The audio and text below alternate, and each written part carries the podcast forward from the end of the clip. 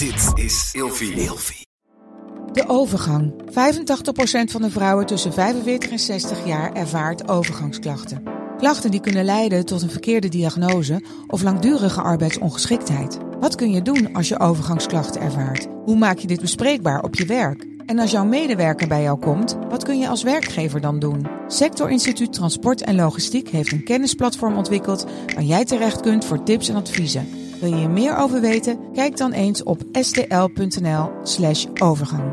Gezonde voeding en beweging zijn al van kinds af aan een belangrijk onderdeel van mijn leven. Via Atida Pure heb ik nu een persoonlijk advies gekregen waarbij ik suggesties heb voor mijn dagelijkse benodigde aanvulling van vitamine en mineralen. Bij Atida Pure geloven ze niet dat iedereen hetzelfde is en dat iedereen wat anders kan gebruiken aan voedingssupplementen. Er zit 15 jaar aan ervaring in de supplementen. Ze zijn wetenschappelijk onderbouwd en van de hoogste kwaliteit. Dus wil jij, nou net als ik, goed voor jezelf zorgen, lekker in je vel zitten en bewust met je lijf omgaan? Met de code Nienke ontvang je nu 50% korting op je eerste bestelling. Check de website van Atida Pure in de show notes en maak vandaag nog jouw eerste bestelling. Na vijf dagen mocht ik dus bellen. Maar zij zat ook vast. Zij zat ook vast, ja. Ja. Dus ik kon haar niet bellen. Maar ik kon wel haar oma bellen. En ik heb haar oma dus destijds gebeld. En zij had haar oma ook gebeld. En dat was een soort doorgeefluik voor ons. Toen zei ze dus, ik moet van Naomi zeggen dat ze heel veel van je houdt. En dat ze je nooit alleen zou laten. En dit en dat. Ja, dat deed mij zo goed om dat dan te horen. Ja. En eigenlijk dat stukje kwetsbaarheid. En het stukje dat ik nooit zei dat ik van haar hou. Daar verlangde ik zo naar om dat te zeggen tegen haar. En dat zei ik dus dan ook tegen haar, tegen de oma van Naomi. En die gaf dat dan weer door aan Naomi. En dan belde ik de volgende dag, heb je er nog gesproken? En zo gingen we eigenlijk een beetje met elkaar om. Drie weken later 10 kilo lichter, allebei. Want dat ging hard hoor. Ja, we zat op water en brood. Welkom bij een nieuwe aflevering van Seks, Relaties en Liefdes. En eh, vandaag ga ik in gesprek met Michael van der Plas. Michael, welkom. Dankjewel. Hey, ik ben eigenlijk heel benieuwd. Jij hebt meegedaan aan meerdere real-life programma's. Klopt inderdaad, ja. Waarom besluit je om daar aan mee te doen? Eh, ik ben er eigenlijk eh, gewoon ingerold. Eigenlijk door, eh, ja, door mijn ex. Dat was destijds, we de- deze mee aan uh, OO Gesso. En ja, wij gingen trouwen. En toen hebben we de aanbieding gekregen van... joh, vinden jullie het leuk om te laten filmen? En zo ben ik er eigenlijk ingerold. En dat was zo'n succes. Ja, en toen, ja, voor je het weet heb je negen seizoenen achter de rug. Dus Dat is wel bizar, hè?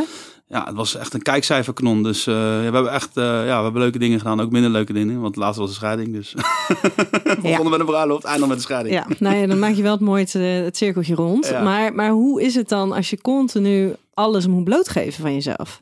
Eh, nou, eerst moest ik er heel erg aan wennen. Ook eh, zeg maar het hele gebeuren onbekend heen eh, zijn. Want ja, als je dan in de stad loopt, mensen gaan je herkennen. En in het begin zit je van, oh ja, die zitten kijken, die zitten kijken. Omdat ja, je komt op tv. En als je natuurlijk, eh, de kijkcijfers waren destijds met de bruiloft waren 1,2 miljoen. Dus dat is best wel... Bizar, ja. joh. Ja, vandaar dat ze ook door hebben gebreid op, op het hele verhaal natuurlijk. Want het was, ja, voor hen was het natuurlijk kassa. Ehm, nog even terug naar de vraag. Wat was de vraag? 12? maar eh, hoe is het om jezelf zo bloot te geven? Om alles zo bloot te geven? Eh, ik denk dat je in het begin daar niet heel erg over nadenkt. Dat, dat eigenlijk daarna eigenlijk, eh, ik wil niet zeggen de klap komt. Want bij mij is het natuurlijk ook wel eens een klap geweest. In het begin vind je het allemaal hartstikke leuk en interessant. En dan denk je bij je eigenlijk van dit en dat. En op een gegeven moment ben je dan natuurlijk wel wat seizoenen verder. En denk je bij je eigenlijk van soms van, ja, kon ik nog maar een keer opgaan in de menigte? Want dat ga je dan niet meer, want iedereen herkent je. En je hoeft maar één misstap te doen en je staat ook groot in de media, snap je? En eerst ben je gewoon de vriend van, maar daarna ben je gewoon Michael van der Plas. Ja, en het- word je herkend zelf. Klopt, het was in het begin was het natuurlijk ook Barbie. En op een gegeven moment werd het ook Samantha en Michael. Dus mijn naam werd ook eh, bij de derde seizoen werd, eh, in de titel verwerkt. Dus op een gegeven moment, ja, dan is het, ja, je bent bekend. Ja. Dat is het, ja. Ja, maar zou je, zou je nu nog zo eh, snel ja zeggen op een, op een nieuw programma? Ik, eh, ik zal zeker ja zeggen, ja. Ik vind het wel leuk om te doen. Ja, en- Maar ja, weet je, kijk, het opgaan in de menigte, dat gaat toch niet meer. Ja, je kan je baard laten staan, je kan je haar laten groeien. Dus dan ben je een beetje ja, dus onherkenbaar. ben je nu al een beetje te laat mee eigenlijk. Dus nu kan je het net zo goed doen. En daarbij heb ik natuurlijk ook drie jaar in Spanje gewoond. En ik woonde zeg maar zelf woonde ik in uh, Tormelinos. Uh, en Tormelinos was echt Spaans gedeelte. En ik had mijn café had ik dan weer in Caruela zitten. En dat is echt het Nederlands gedeelte. Dus als ik me eigenlijk even terug wou trekken van, uh, uh, ja, van de Nederlandse mensen. Dan ging ik gewoon lekker naar huis en dan mijn eigen dorpje. En uh, ja, dan ging je wel op in de menigte. Ja, en, en jij um, zei dat jouw grote droom is om uiteindelijk ook weer in Spanje te wonen. Heeft dat daar ook mee te maken? Dat je dan toch wat meer in de menigte kan opgaan? Nee, ik vind Spanje is, eh, is Nederland van de jaren tachtig, vind ik. Weet je, het is allemaal gemoedelijker, het is allemaal relaxter. Uh, hier in Nederland is tegenwoordig is het gezien worden en gezien. Weet je, iedereen moet een grotere auto hebben, iedereen moet dit. Uh, de overheid legt er dik op, want ik bedoel, ja, als je iets doet, dan uh, staan we nog weer aan de deur met een blauwe brief. Ja, je wordt er gek van. Nee joh, en dat daar, daar kennen ze volgens mij nog ineens geen parkeerbelasting. Dus ja, weet je, ja, ik, mijn hart ligt nog steeds in Spanje. Hey, um, voordat wij gaan beginnen, heb ik voor jou twee cadeautjes. Ik heb Cadeautjes, ja. ik heb mijn boek voor jou. Oh. De Relatie HPK. Dat is hartstikke leuk. Nou, dan ga ik een keer beginnen met lezen, want ik heb nog nooit gelezen. Heel in mijn hele leven niet. nou, bij deze. Hij is eventueel ook een luisterboekversie, mocht het lezen je niet helemaal uh, aangaan. Oké. En uh, een fles uh, Schiedamse boobies. Okay. Gin. Oh, gin. Gin. Okay. Ja, hier in Schiedam gemaakt. Dus deze is ook voor jou. Nou, hartstikke bedankt. Alsjeblieft. Hey, wij gaan het vandaag hebben over. Um, eigenlijk kwam je er zelf mee, daar was ik wel blij mee. Met je de, de, de impact van um, het feit dat zowel jij als Naomi gevangen hebben gezeten. Klinkt ja, heel zwaar zo, sorry. uh, maar wat dat voor impact heeft gehad op jullie relatie. Klopt, ja. Nou ja, daar kan ik natuurlijk wel wat over vertellen ik en Naomi hebben best wel wat meegemaakt, zeg mhm. maar, eh, de afgelopen jaren. We hebben natuurlijk in Spanje gewoond. Nou ja, we moesten natuurlijk genoodgedwongen terugkomen vanuit Spanje. Uh, nou ja, van alles wat. En ja, soms gaan de dingen natuurlijk uh, niet in de koude kleren zitten. Daarbij hebben we natuurlijk ook nog een stukje coronatijd gehad. En dan uh, merk je eigenlijk dat, dat je een beetje langs elkaar heen gaat leven. Want je zit 24 uur op, per dag zit je met elkaar. Je kan geen kant op, coronatijd, dat en dat. En toen op mijn verjaardag, toen ik 40 ben geworden. Toen uh, stond dus in één keer de Fiat in mijn slaapkamer. Deur eruit. Uh, en dan denk je bij je eigenlijk van ja, wat doe ik verkeerd? En uh, wat gaat er gebeuren? Ik wou het zeggen. Dacht je op dat moment echt, wat doe ik verkeerd? Of ja, ja, dacht je veel meer ik van, ja, wat nee, gebeurt nee, echt, hier? Nee, dat meen ik echt. Ik meen ik echt. Ik vind dat ze sowieso veel te hardhandig zijn geweest. Ik vind dat ze veel, veel te grote show van gemaakt. Want ik bedoel, en dat is dan, dan weer de pech natuurlijk, dat je natuurlijk die negen seizoenen erop hebt zitten en ander tv-werk hebt gedaan in het verleden. Want uh, ik heb uh, alle krantenkoppen gehaald, ik heb in shownieuws gestaan, ik heb overal en alle dingen heb ik gestaan. En dan denk ik maar ja, ben je dan al niet genoeg gestraft voor waar het eigenlijk over gaat? Want het is een field onderzoek en het gaat dan om merkvervalse artikelen, wat dan verkocht werd of reclame voor gemaakt wordt. Nou, heel, heel van bekend Nederland via Instagram, die krijgen wel eens een imitatie klokje opgestuurd, imitatieschoenen op, uh, opgestuurd. En ze maken daar een, een, post van of ze maken daar een story van. Nou, bij mij was het dus een ander verhaal, want ze hebben bij mij dus dan ook 40 van die neptruien gevonden bij mij thuis. Dus uh, er was wel degelijk een klein beetje aan de hand. Maar ze hebben wel een heel groot spektakel ervan gemaakt. En ook de media heeft er vervolgens een nog groter spektakel van Klopt. gemaakt. Ze hebben, alles hebben ze meegenomen. Ze hebben mijn auto in beslag genomen. Ze hebben mijn motor in beslag genomen. Ze hebben mijn scooter in beslag genomen. Ze hebben ook mijn eigen kleding meegenomen. En ja, weet je, het is, dat is gewoon vervelend. En ja, de field die blijft aan je kleven. Die blijft gewoon net zo lang doorgaan. Want we hebben de tijd totdat je erbij neervalt. Maar ja, even terug over mijn relatie. Ja. Dus, uh, maar ja. daar gaan we zo. heb ik namelijk nog een paar specifieke stellingen over. Dus daar gaan we wat dat. Maar ik ben, denk in ieder geval dat het goed is om eventjes de context. Uh, dat het goed is dat je die even hebt uitgelegd. En wat dus de reden is geweest dat, er, uh, dat jij gearresteerd bent. Mm -hmm. Ik heb jou gevraagd om vijf woorden te bedenken die gaan voor jou over seks, relaties en liefdes. Ja. Weet je die nog? Ik kan er volgens mij wel drie opnoemen nog. Volgens mij ik, kan, ze, ik kan ze er even bij pakken hoor, als het nodig is. Volgens mij was het liegen. Ja. Uh, seks zelf. Nou, ja. Uh, trouw. Uh, respect, volgens mij. En ja, voor mij ben ik een beetje de weg kwijt nu. En toekomst. en toekomst. Nee, oh, ja, je kwam een heel eind. Je kwam een heel eind. Ja, ja. En dan ben ik eigenlijk heel benieuwd. Um, Waar zit het stukje liegen voor jou in? Stukje liegen. Ja, waarom, waarom is nou, dat waar je dan aan denkt? Ik heb gewoon echt een hekel aan liegen. Ik, eh, kijk, een relatie is gebaseerd op uh, vertrouwen, vind ik. En als je liegt in een relatie, dan, uh, ja, dan is je basis niet goed. Ik vind, je moet, kan altijd eerlijk wezen tegen je partner. Ook al, ehm, ja, alcohol speelt er wat. Ja, als je zeg maar niet eh, geen zin meer in hebt in een relatie. Of dat je een ander leuk vindt. Dat je verliefd wordt op een ander. Of er zijn dingen in een relatie. Dan kan je daar beter over praten dan dat je zeg maar eromheen gaat draaien en een ander verhaal ervan gaat maken. Want ik heb echt een hekel aan liegen. En als je, mij, als je tegen mij ligt, dan krijg je echt ruzie met me. Ja. Ik vind dat, ja, dat hoort gewoon niet. Maar is het jou tot dusver gelukt om binnen je relaties ehm, niet te liegen, zowel van jouw kant als die van je partner? Nou ja, ik heb uh, in het verleden heb ik ook een relatie gehad. En uh, dat is nog, uh, dan praat ik over tientallen jaren geleden. Tientallen. ja, tientallen, nee, tientallen maar jaren bent, geleden. Je bent maar nu wel, 40, hè? Ja, wel, wel Ja. een tijdje geleden. Daar heb ik ook gelogen in mijn relatie. Ben ik ook vreemd geweest. Alleen ja, naarmate je ouder wordt, dan ga je meer serieuzer. Ik heb ook kinderen natuurlijk, ga je er ook serieuzer in staan. En dan, ik heb geen behoefte om, om vreemd te gaan of eh, te liegen. Of, eh, ik ben altijd heel erg eerlijk. Ik ben wel een jongen, zeg maar, die heel veel opstapelt. Dus niet heel gauw praat over mijn gevoel. En dan als ze, zeg maar, eh, als het te veel wordt, dan ga ik wel, gooi ik alles in één keer eruit. En dan ben ik het ook weer kwijt, even voor twee weken. En dan gaat het weer opstaan. Maar twee weken later gooi ik weer alles eruit. Maar Dus ik zal een wel vrij snelle opeenstapeling hoor, twee weken. ja, ja, half jaar dan. Maar eh hoe heet dat? Eh, ja, ik vind gewoon liegen. Ik heb er gewoon echt een hekel aan. Ik zal het ook nooit doen meer in mijn relatie. Ik heb het wel gedaan. Maar ik zal het ook niet leuk vinden als het tegen mij gedaan wordt. Nee. Dus, En gaat liegen altijd over vreemd gaan of gaat liegen over überhaupt over dingen verzwijgen? Kijk, een leugentje voor best wil is zeg maar een. eh, eh, is anders dan een leugen waar je iemand mee kwetst. Kijk, een leugentje voor best wil. Ik bedoel, kijk, als Naomi een keer nieuwe schoenen heeft gekocht en ze zegt tegen mij, ja, ze zijn 100 euro en ze waren 150 of 200 euro. Ja, weet je, dat, daar moet ik om lachen. Ja. Snap je wat ik bedoel? En dan uiteindelijk eh zou je dat dan toch terugzien op de rekening of weet ik wat. Maar als je echt gaat lopen liegen van ja, dingen waar je iemand pijn mee doet, ja, dat, dat vind ik vervelend. En dan krijg je gewoon echt ruzie met me. Ja. Ja, maar als jij zegt, hè, je, je- je vindt lastig om je gevoel te uiten. Op het moment dat je dan continu niet zegt wat er is of wat er speelt, Klopt. is dat dan liegen of is dat verzwijgen? Eh, dat is zeg maar verzwijgen, denk ik. Is dat anders voor jou? Maar over gevoel, zeg maar. Dat, dat, eh, kijk, ik heb. ehm, mijn vader is onlangs overleden. Die is eh 82 geworden. Die is nu twee jaar, twee jaar geleden overleden. En mijn vader heeft eigenlijk nog nooit tegen mij gezegd: Ik hou van je. Dus ik heb dus een stukje wat ik van, zeg maar, van me uit huis mee heb gekregen. ehm, eh, dat ik dat ook vrij weinig zeg, zeg maar, tegen degene waarvan ik wel hou. En dat is Naomi natuurlijk, dat is mijn vriendin. En ik hou nog van een paar andere mensen ook nog. Dat is familie. Geen andere vrouw hoor, trouwens. Ik ben blij dat je het nog even zegt.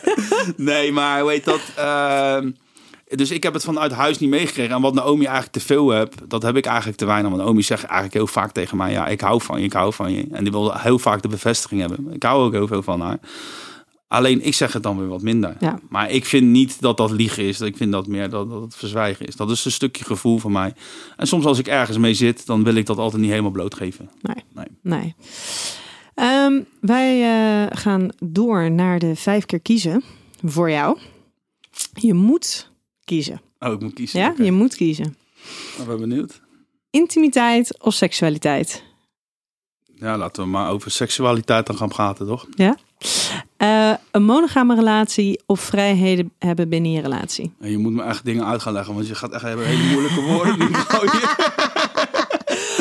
ik ben ook maar een jongen van de straat. hè. Nou, nee. Eh monogaam, dat houdt in dat je dus één partner hebt. En dat dat dus degene is met wie je alles deelt op seksueel en intiem gebied. Dus Ja. dat er geen anderen zijn. Ja. Ehm, dus wil jij dat? Of wil jij een relatie waarin er meer vrijheden zijn en waarin je dus ook eventueel dingen met andere mensen kan doen? Eh, nee, nee, ik ben zeker eh, monogaam dan. Ja? Ja. Een leven lang samen zijn met één partner of meerdere partners gedurende je leven?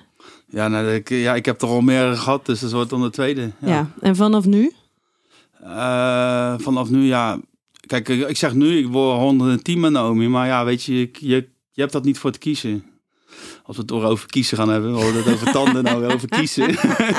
nee, maar je, hebt, het- kijk, het liefst wel, maar ja, weet je, je weet maar nooit. Soms kan het ook zomaar wezen dat je denkt, bij eigenlijk van ja, het is op. Kijk, wij, wij hebben ook een leeftijdsverschil natuurlijk. Ik ben 40 en zij is eh, dan 26 wordt ze deze maand. En dat is best wel een groot leeftijdsverschil. Mijn vader en moeder scheelden dan 20 jaar, dus het zit wel in de familie. Ja, want je hebt wel een oudere vader. Ja, mijn vader is onlangs overleden. Ja. Mijn vader was 82. Nou ja, mijn moeder die, zit nu, die is nu 63. Dus die schelen ook heel veel. Heel veel. En eh, ja, bij ons zit dat wel in de familie. Ja, in ieder geval gewoon jonge vrouwen, ja. Ja. Maar merken jullie dat er een leeftijdsverschil is? Eh, ja, soms wel. Soms wel, ja. ja. Ik ben soms wel gewoon echt een oude lul. Zij is soms echt wel echt een springver. En dan zeg ik van, ik heb het nu even een beetje rustig. Weet je, dan ben ik wel een zeikert. Maar eh, ja, ook andere dingen weer niet. Want zij houdt wel weer van het gezinsleven. Ze is niet een eh, losgeslagen type die zeg maar ieder weekend naar een festival moet. En eh, daar misschien het een en ander nuttigt. Want ja, daar heeft ze zelf, heeft ze daar gewoon een hekel aan. Aan, aan drugsgebruik en dat soort dingen allemaal. Eh, ja, af en toe drinkt ze een wijntje. En eh, ja, goed voor mijn kinderen. Dus ja, ik heb een lot uit de loterij. Nou, fijn. Ja. Ehm, bekend zijn of gelukkig zijn in de liefde? Dus zou ik kiezen voor gelukkig zijn in de liefde. Kan jij je voorstellen hoe het is om niet bekend te zijn? Ja, ik denk dat ik me eigen dat wel voor kan stellen, ja. Om niet bekend te wezen. Ik denk dat het ook wel een rustig gevoel geeft als je zeg maar echt een knop even om kan schakelen van hé, hey, ik ben even niet bekend. En kijk, naarmate, kijk, ik heb nu nog een tijdje geen tv gedaan. Ik heb nog wel onlangs aan een programma meegedaan op Discovery. Alleen je merkt wel dat het iets minder wordt. Vroeger was het echt van, ja, je kent niet over straat, want eh, iedereen wil met je op de foto. Als je in een kroeg zit, eh, dan laten ze je niet met rust. Als je even met een andere vrouw praat, dan sta je in shownieuws, want dan ga je al vreemd.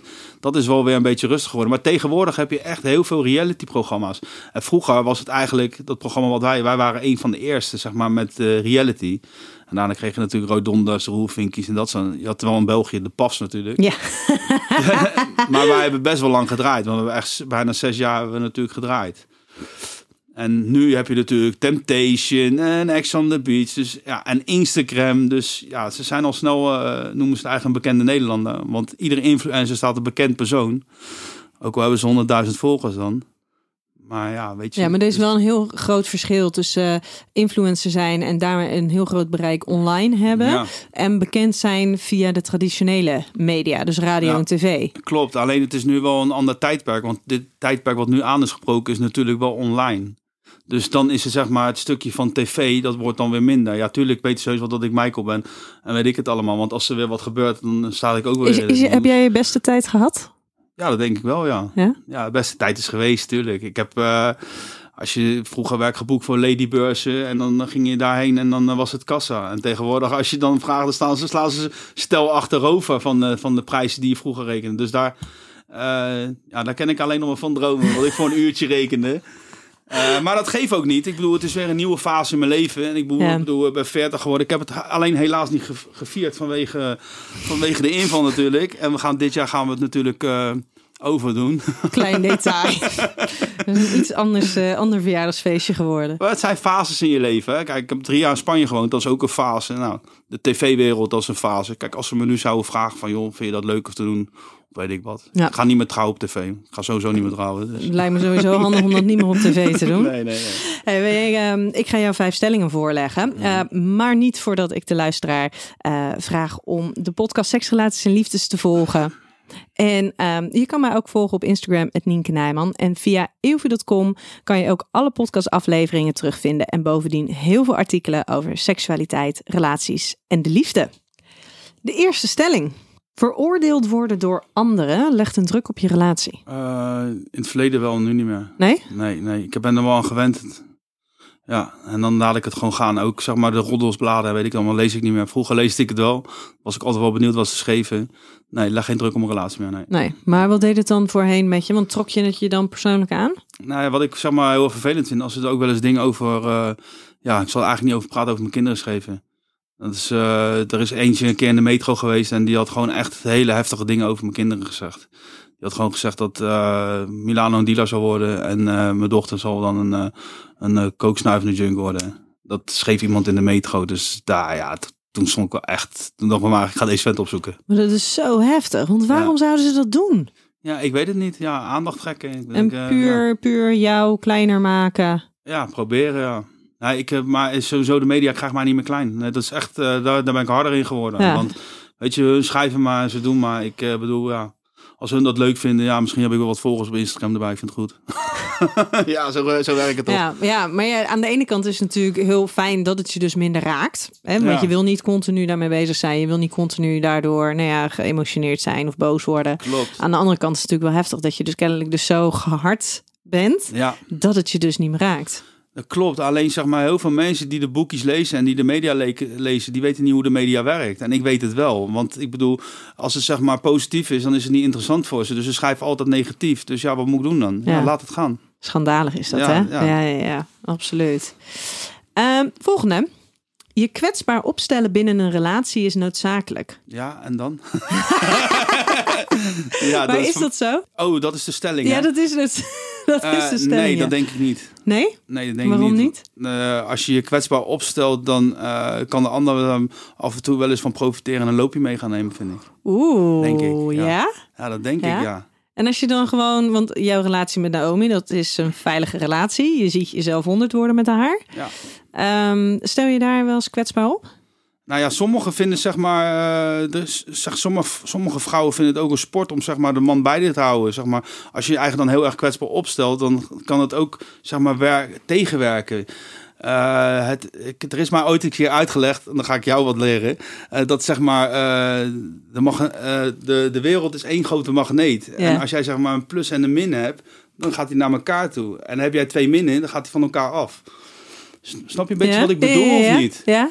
En ehm, zo, ik denk dat dat binnen een relatie ook zo is. Want als jij twee minnetjes hebt, dus je bent allebei kwetsbaar, ga je ook van elkaar weg.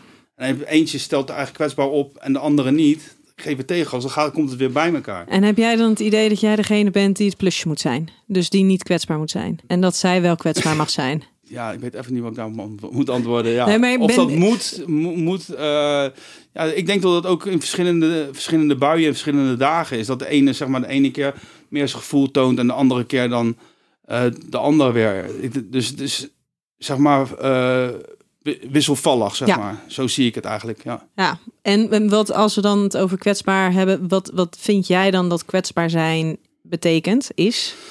Wat ik vind een kwetsbaar opstellen, dat is nou ja, heel erg over je gevoel praten. Heel erg. Ja, heel erg, heel erg En dat is echt jouw hobby natuurlijk. Ja, ja, Ja, ja. Dan, eh, dan stel ik me echt kwetsbaar op. Ik vind, soms vind ik het ook echt heel erg moeilijk om te doen. Soms, bijna altijd. Bijna altijd. Maar ja, dat ben ik. Weet je, kijk, en dat is het ook. Ik heb altijd een grote mond, maar ik heb gewoon Ja. een klein hartje. Ehm, ik hou van je is het meest waardevolle wat iemand tegen je kan zeggen. Nee, vind ik niet. Vind ik Nee? niet. Want ja, kijk, ik hou van je is natuurlijk wel een betekenis, maar het is wel makkelijk om te zeggen. Het moet ook gemeend worden. En als jij zeg maar een keer een kut bij je hebt en iemand zegt tegen je, of je vriendin zegt tegen je van, oh schat, zie je er goed uit vandaag? Staat je leuk of je haar zit goed of dit of dat?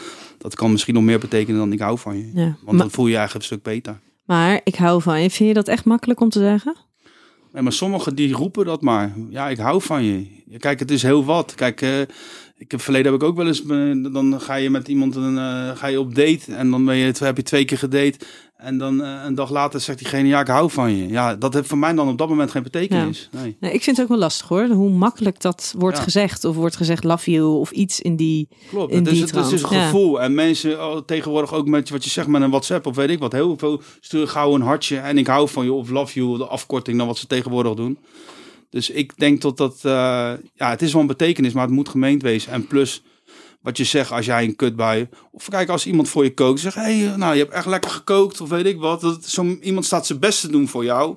Het ziet er goed uit wanneer, eh, ja, wanneer ga je weer eten maken? Ja, nee, maar Daar bedoel, zit dat, meer waardering en erkenning in voor jou. Ja, Ja. vind ik wel, ja. Ja, Hey, en jij zei net al dat, dat uh, nee, ja, jouw vader is dus, dus twee jaar geleden overleden. Mhm. Heeft hij nooit gezegd ik hou van je of Eh, Nee. niet dat je je kan nee, herinneren? Kijk, maar alleen ik merkte wel weer aan de dingen die hij deed, dat hij van me hield. En ehm, ik heb dat in mijn relatie ook, dat ik zeg maar dat weer overgeef eigenlijk. Ik kopieer dat eigenlijk. Want het is voor mij heel erg moeilijk. Dat stukje kwetsbaarheid waar je net over hebt, zeg maar richting mijn vriendin. Dat is moeilijker voor mij dan me kwetsbaar op te stellen tegenover mijn kinderen. Mijn kinderen lopen de hele dag met me, ik hou van je, ik hou van je, dit en dat. En dan heb ik zeg maar mijn vriendin en dan is dat weer wat moeilijker, omdat je dan dat stukje kwetsbaarheid en... Maar ik ga eraan werken, ik ga het vaker doen. Nee, maar weet je, het is natuurlijk sowieso, hè, als je hebt een hele andere relatie met je, met je kind dan met je partner. En het lijkt alsof een, een relatie met je kind veel onvoorwaardelijker is dan met je partner. En dat als je bijvoorbeeld het hebt over zeggen ik hou van je, ehm, dat, je dat, dat heel veel mensen die het nauwelijks of, of weinig zeggen tegen hun partner, dat ze dat naar hun kinderen toe veel makkelijker zeggen. Hetzelfde als met het aangaan van intimiteit, knuffelen. Ja. eh, weet je, dat ze dat dus met hun kinderen veel makkelijker doen. Alsof ze daarin minder bang zijn om gekwetst te raken of ehm, afgewezen te worden. Dan dat naar hun partner toe. Maar ik denk dat het ook misschien een stukje gemist is, gemist is. Wat je vroeger zelf hebt gemist bij je eigen vader dan. Dat je dat natuurlijk dubbel en dwars teruggeeft aan je eigen kinderen. Omdat je die tekortkoming zeg maar niet bij je kinderen wil hebben. En, maar heb jij het echt gemist? Heb jij het gemist bij je vader? Was je daar bewust van? Nou ja, mijn vader die, eh, hoe heet dat? En mijn moeder die hebben altijd in de horeca gezeten. Dus die hebben, al, die hebben alle cafés eh, op Scheveningen of zo wat eh, gehad. Eh, op een gegeven moment had hij vier cafés. En eh, ja, wij waren vaak bij de oppas. En de uitjes zeg maar, met, mijn- ouders waren eigenlijk richting het horecacentrum om eh kratten bier te halen. dus dat is nog heel mooi dat mijn zusje dat zei zeg maar, op de uitvaart van van mijn vader. Van ja, onze uitjes waren altijd eigenlijk tussen de kratten als klein meisje om drank te halen voor de zaak. Dus dat was het eigenlijk. Maar eh, kijk, die man die hield heel veel van ons. En hij heeft altijd gewild dat wij altijd op het goede pad gingen. Altijd als ik mijn gordel niet om had. "Eh, Doe je nou even die gordel om? Nou, dan was ik eh 25 jaar, weet je. Dan zei hij nog, ja, gordel om. Weet je, dus altijd wel bezorgd. En, ja, en ook het stukje, zeg maar, weer richting zijn kleinkinderen. Zeg maar de kinderen van mij, de kinderen van mijn zusje, van mijn broer allemaal. Daar gaf hij die onvoorwaardelijke liefde wel weer aan. Ja. Dat is dan zo vreemd. En hoe was dat voor jou om te zien? Om daar in die kant van jouw vader ook te zien? Het deed mij geen pijn. Ik vind het alleen maar mooi om te zien. Ja. Maar Ja. vreemd zeg je? Nou ja, het, het, het heeft gewoon. eh, het lijkt wel of hij zeg maar toch bij zijn eigen zelf het besef had van. Luister, ik heb toch tekortkoming gedaan, zeg maar, in hetgene wat ik mijn kinderen had moeten geven, zeg maar, over een stukje kwetsbaarheid opstellen en ik hou van je. Ik heb op zijn sterfbed nog gezegd tegen hem, ik hou van je. Dus we hebben het wel nog eh, uit kunnen wisselen. Ehm, en het heeft gewoon, eh, ja, hoe noem je dat, een generatie overgeslagen. En de kleinkinderen hebben onvoorwaardelijke liefde van hem gekregen. Ja. Ja, Nou, dat lijkt me wel heel mooi. Dat je Ja. dat wel als herinnering mee kan nemen. klopt. Ja. En dan ben ik heel benieuwd. Ehm, de volgende stelling is namelijk: je wordt wie je bent door wie je ouders zijn. Ja, dat denk ik wel, ja. ja. Het- is, eh, ik denk dat de eerste levensjaren van je, de eerste levensjaren heel erg belangrijk eh, zijn en dat dat toch eh, degene vormt wie je later gaat worden. Dus als jij echt die geborgenheid, die veiligheid hebt en natuurlijk ook eh, een stukje school en dat soort dingen allemaal. Ik was, ik ben heel vrij opgevoed. Ik, toen ik 15 was, ging ik van school af. Toen ging ik de visserij op. Toen verdiende ik bakken met geld. En toen kwam ik thuis en kocht ik alles wat ik wou. Ik was vier weken op zee, vier dagen thuis. Nou, dan, dan jaagde je zoveel geld er doorheen. Scooters, kettingen, eh, op stap gaan. Ik had zoveel vrienden om me heen lopen die ervan profiteerden. Eh, en zeg maar, een stukje naar mijn kinderen wil ik dat niet hebben. Ik wil gewoon dat mijn kinderen gewoon een opleiding gaan volgen. En dat ze gewoon voor elkaar boksen. Want tegenwoordig heb je dat ook allemaal nodig. Vroeger was Mm. dat anders. Ja. Ja. Hebben jouw ouders jou daar te vrij gelaten? Hadden ze er meer op moeten zitten? Eh, nee, want ik ben wel geworden wie ik ben. En ik ben wel blij met mezelf wie ik ben. Al weet ik zelf ook niet altijd wat ik wil. Want de ene keer doe ik dit en de andere keer doe ik dat. Maar dat is weer het stukje ondernemen wat in, mij- wat in mij zit. En dat heb ik wel weer van mijn vader geërfd. Want mijn vader was ook een ondernemer in hart en nieren. Snap je? En uh, kan ik het niet op die manier doen, dan doe ik het wel weer op die manier. Ik heb gewoon een handelsgeest, snap je? En uh, ja, daar ben ik wel blij om. ik had wel geërfd van. Dus ja, nee, ze hebben mij niet te vrijgelaten. Want ik heb gewoon een prachtige jeugd gehad. En ik heb, uh, nee, ik zal het niet willen. Ik heb er nergens spijt van, nee. Nee. Heb je iets gemist? Uh, Heb je tijd met je vader gemist? Uh, ja, ik mis hem nu onwijs. Ja. Ja. dat is het. En uh, dan soms denk je wel eens van ja, het is, hij komt niet meer terug. En dan nu zit een broer van mijn vader die, die zit weer in een verzorgingshuis. En dat is dan ook ja, nog drie maanden te gaan, weet je. En dan denken we ja, ja, toch die oude generatie, die gaat toch weg. Dadelijk Ja. ben jij de oude generatie. Nog eventjes dan, ja, dan ga je, ja, ik ben 40. Dus ja, Ja. En het scheelt natuurlijk wel dat er 20 jaar tussen jouw ouders zit in leeftijdsverschil. Als je dat dan nu bedenkt dat tussen jou en Naomi ook 15 jaar zit. ja. En, en je bedenkt hoe dat dan zal zijn in de toekomst. Vind je dat dan spannend? Ja, ik vind het wel spannend. Want op een gegeven moment ga je ook ouder worden natuurlijk. Mhm. En zij is natuurlijk nu 25. En ik heb altijd gezegd... Van ja, als je, want toen ze 22 was, toen ging ze met mij. Ik heb altijd gezegd, als je daar 25 bent, 26... dan kom je ook weer in een andere fase van je leven, snap je? En dan is het misschien, wil je dan wel hele andere dingen dan dat je zeg maar nu met mij bespreekt. Want nu, nu vind je het leuk zeg maar om eh, het gezinsleven, waar ik dus gewoon echt aan toe ben. Want ik ben 40 en ik wil ook stabiliteit, ik wil ook rust, veiligheid. En ja, natuurlijk mogen we af en toe wel een keertje gek doen en de lamp hangen, daar gaat het niet om. Maar hoe heet dat? eh, ja, misschien denkt zij dadelijk wel op de 26, 27 van... eh, nou, nou, dus eigenlijk helemaal niet wat ik zoek, zo'n oude lul. En ik ga lekker wel naar festivals. En ik, dat is een, dat wordt, dat weer een fase in haar leven. Dus dat weet ik niet. Dus soms denk je erover na. En soms ben je wel eens bang van dat dat gebeurt. Ja. Want als dat gebeurt, dan heb ik al drie relaties eigenlijk die mislukt zijn. En hoeveel moet je er krijgen voordat het een keer gaat werken? Of moet je dan bij je eigen denken van... hé, hey, ik blijf toch wel lekker vrijgezel. Ja. Ja. ja, alleen is ook maar alleen. En is dat het dan waard? Ja. Ja. Ehm, de laatste stelling. Elk stel zou een tijd gedwongen zonder elkaar moeten doorbrengen om te realiseren wat hun relatie voor hen betekent. Ja, Ja, want je vertelde natuurlijk aan het begin al van de arrestatie. Ja. Dat jullie eigenlijk daar de, in de aanloop er naartoe een beetje langs elkaar heen leefden. Automatisch piloot. Eigenlijk ook niet zo heel aardig waren tegen elkaar. Nee. Focus op geld verdienen. Ja. En toen was daar ineens dat moment. Op jouw 40ste verjaardag. Klopt, en dan ben je natuurlijk een tijdje even zonder. eh, zonder ik was zat vijf dagen in beperkingen. Dus dat houdt eigenlijk in dat je geen contact met de buitenwereld mag hebben. Je mag alleen maar boekjes lezen. En eh, dan krijg je natuurlijk story, privé. Oh, sorry hoor. nee, dan krijg je natuurlijk alle roddelbladen Ja. natuurlijk. eh, waar je op dat moment zelf nog niet in stond. nou, in die ja, ik- versies die er eh, lagen. nou, dus die versies, sommige versies stond ik dus wel in. Oh, En dan lees je dat en weet dat. En ik heb destijds, daar heb ik met jou ook over gehad, heb ik Ja. eh, ook eh, een stukje gelezen van Patty Bart. Een column wat ze schreef. Dan mag je een vraag stellen en dan geeft zij dan antwoord op. En ik heb, zeg maar, mijn oom hebben we, hadden, we we hebben een kinderwens, hebben we. We willen heel graag een kind, met z'n tweeën dan. Ik heb ook kinderen natuurlijk, maar ook van ons samen willen we een kind. En ik heb altijd gezegd, ja, maar het is nu de juiste tijd niet. En dan zit je daar zo'n in zo'n in zo'n celletje zit je te denken en dan lees je dat stukje van Patty Bart en dan wordt de vraag dus gesteld eigenlijk van, ja, ik wil heel graag kinderen. Dat was een, dat was een, dat was een vrouw. Alleen mijn man die zegt elke keer, ja, het is hier nu de juiste tijd niet voor. En Patty Bart gaf er een heel mooi antwoord op en die zei van, maar wanneer is het wel de juiste tijd? En toen ging ik toch nadenken en toen dacht ik eigenlijk, ja, wanneer zal er ooit een keer rust in mijn leven wezen? Wanneer ben ik een keer uit die rollercoaster? Ja, en dan ben ik dadelijk 50 en is zij dadelijk, weet ik hoe oud. En moet je dan nog aan kinderen gaan beginnen? Nee, dus, ik, nou, dus ik dacht maar eigenlijk, het is eigenlijk wel de juiste tijd. Dus laten we daar gewoon voor gaan. Alleen, ja, bij ons gaat het weer niet op de normale manier. Dus dan moesten we een traject in en dat soort dingen allemaal. We zijn er wel eigenlijk nu mee gestopt met het traject. Omdat we het even los hebben gelaten. En misschien gebeurt het wel op de natuurlijke manier. Want zij heeft, zeg maar, eh er mankeert niks aan haar. mhm. En aan mij ook niet. Dus misschien is het gewoon een beetje stress. ik wou het zeggen. want Ja, Jullie hebben en- natuurlijk wel een heel erg bewogen half jaar gehad. Klopt, ja.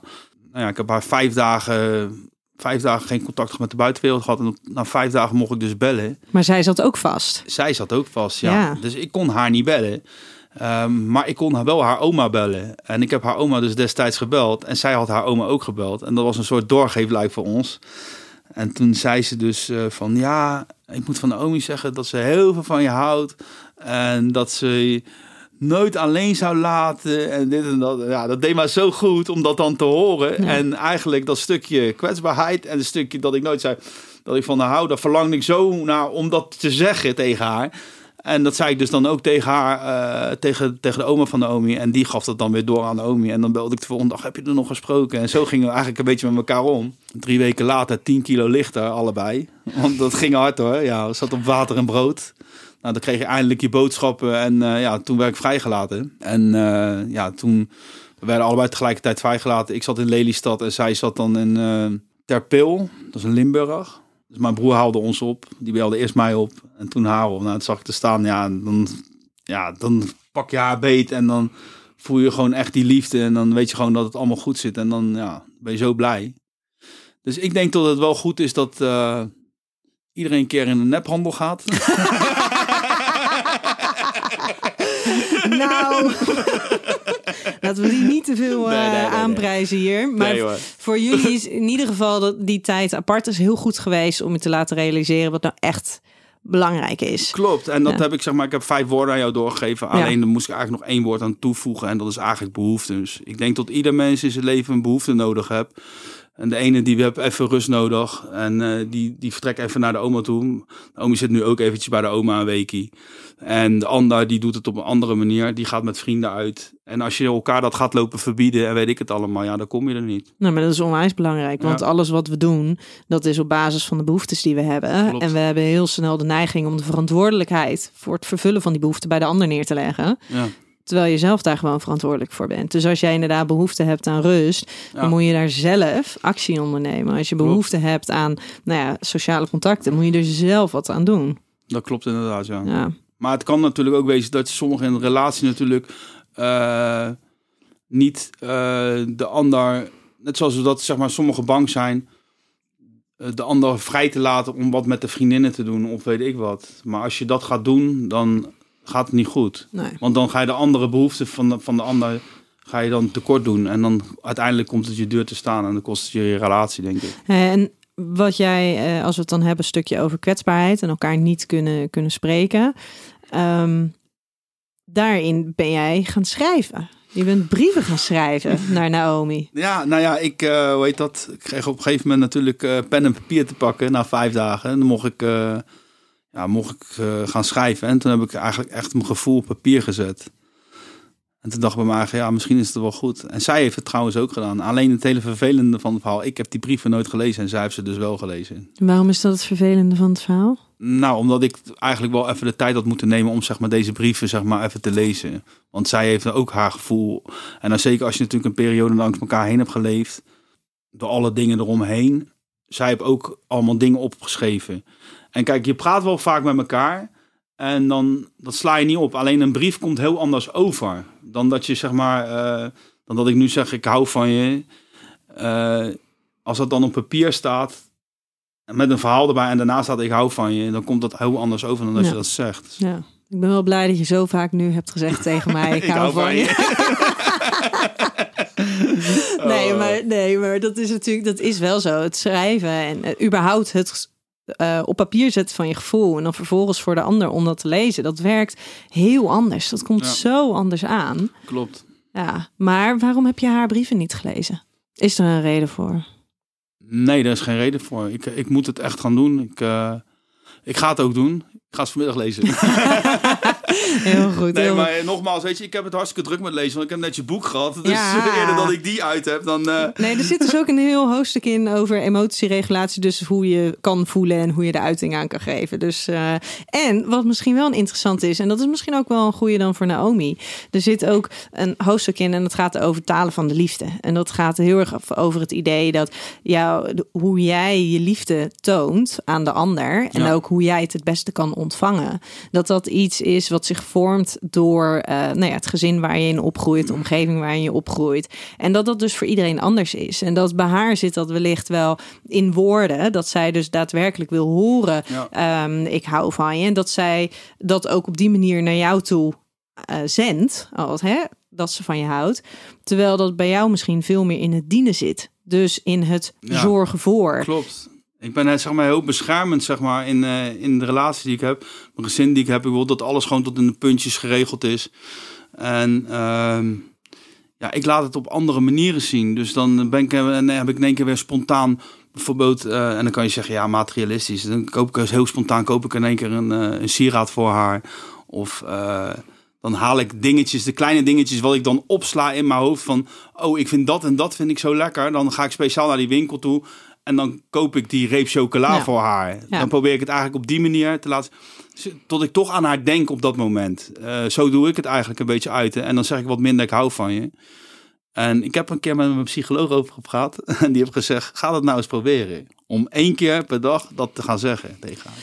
Ja, maar je moet het wel voelen. En het moeten niet lege woorden zijn. En dat is zo lastig. Klopt.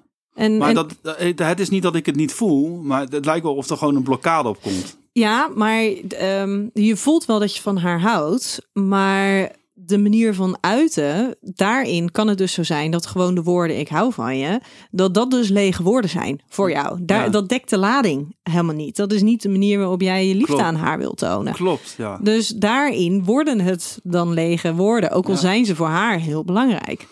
Dus dan moet je je afvragen, ja, wat wil zij? Wil zij lege woorden horen, Ja. maar dan wel de woorden die ze die ze wil horen. Dat klopt. Nee, maar wat jij zegt, dat klopt wel inderdaad. Want in principe, als ik het zeg maar, als ik het zeg, dan voel ik het ook.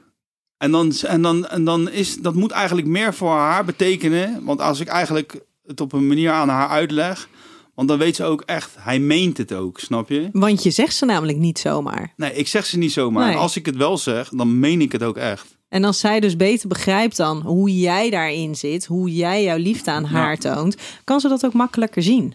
Klopt, alleen ik snap wel dat het voor iemand best wel vervelend is als je natuurlijk zelf die bevestiging heel vaak wil horen en dat dan niet krijgt. Dus het is, het is voor haar wel vervelend. Dus dan moet je wel over in gesprek gaan met elkaar van joh, luister, ik hou wel van je, maar Ik, ik zeg het niet op altijd. een andere manier. Ik probeer het op een andere manier. En je weet ook waar ik vandaan kom. Ik ook de achtergrond, zeg maar, met de relatie met mijn vader en moeder. Zij zegt tegen mijn moeder elke dag: Ik hou van je, ik hou van je. Die wordt helemaal gek, mijn moeder ervan. want die kan daar ook een beetje niet mee omgaan. Nee. En eh, ja, de, de eigen kinderen, mijn zus en zo, die zeggen het ook allemaal niet. Dus, nee, ja. maar dat wordt echt zo bepaald binnen de cultuur van zo'n gezin. Ja. Hoe je daar dus uiting aan geeft. En als jij dat nooit hebt geleerd, als jij dat nooit op die manier hebt meegekregen, ja, dan is het ook heel lastig om dat dan nu in jouw eigen partnerrelatie wel voor te zetten. Terwijl naar je kinderen toe, dat is een ander soort relatie. Ja. En dat is zo mooi dat waarschijnlijk als jouw kinderen eh, volwassen zijn, dat zij dus heel anders daarmee omgaan en het wel kunnen zeggen doordat jij het kan zeggen tegen ja. hen. Ja, want als uh, Milana naar bed gaat, dan is het eh, wel twintig keer eh,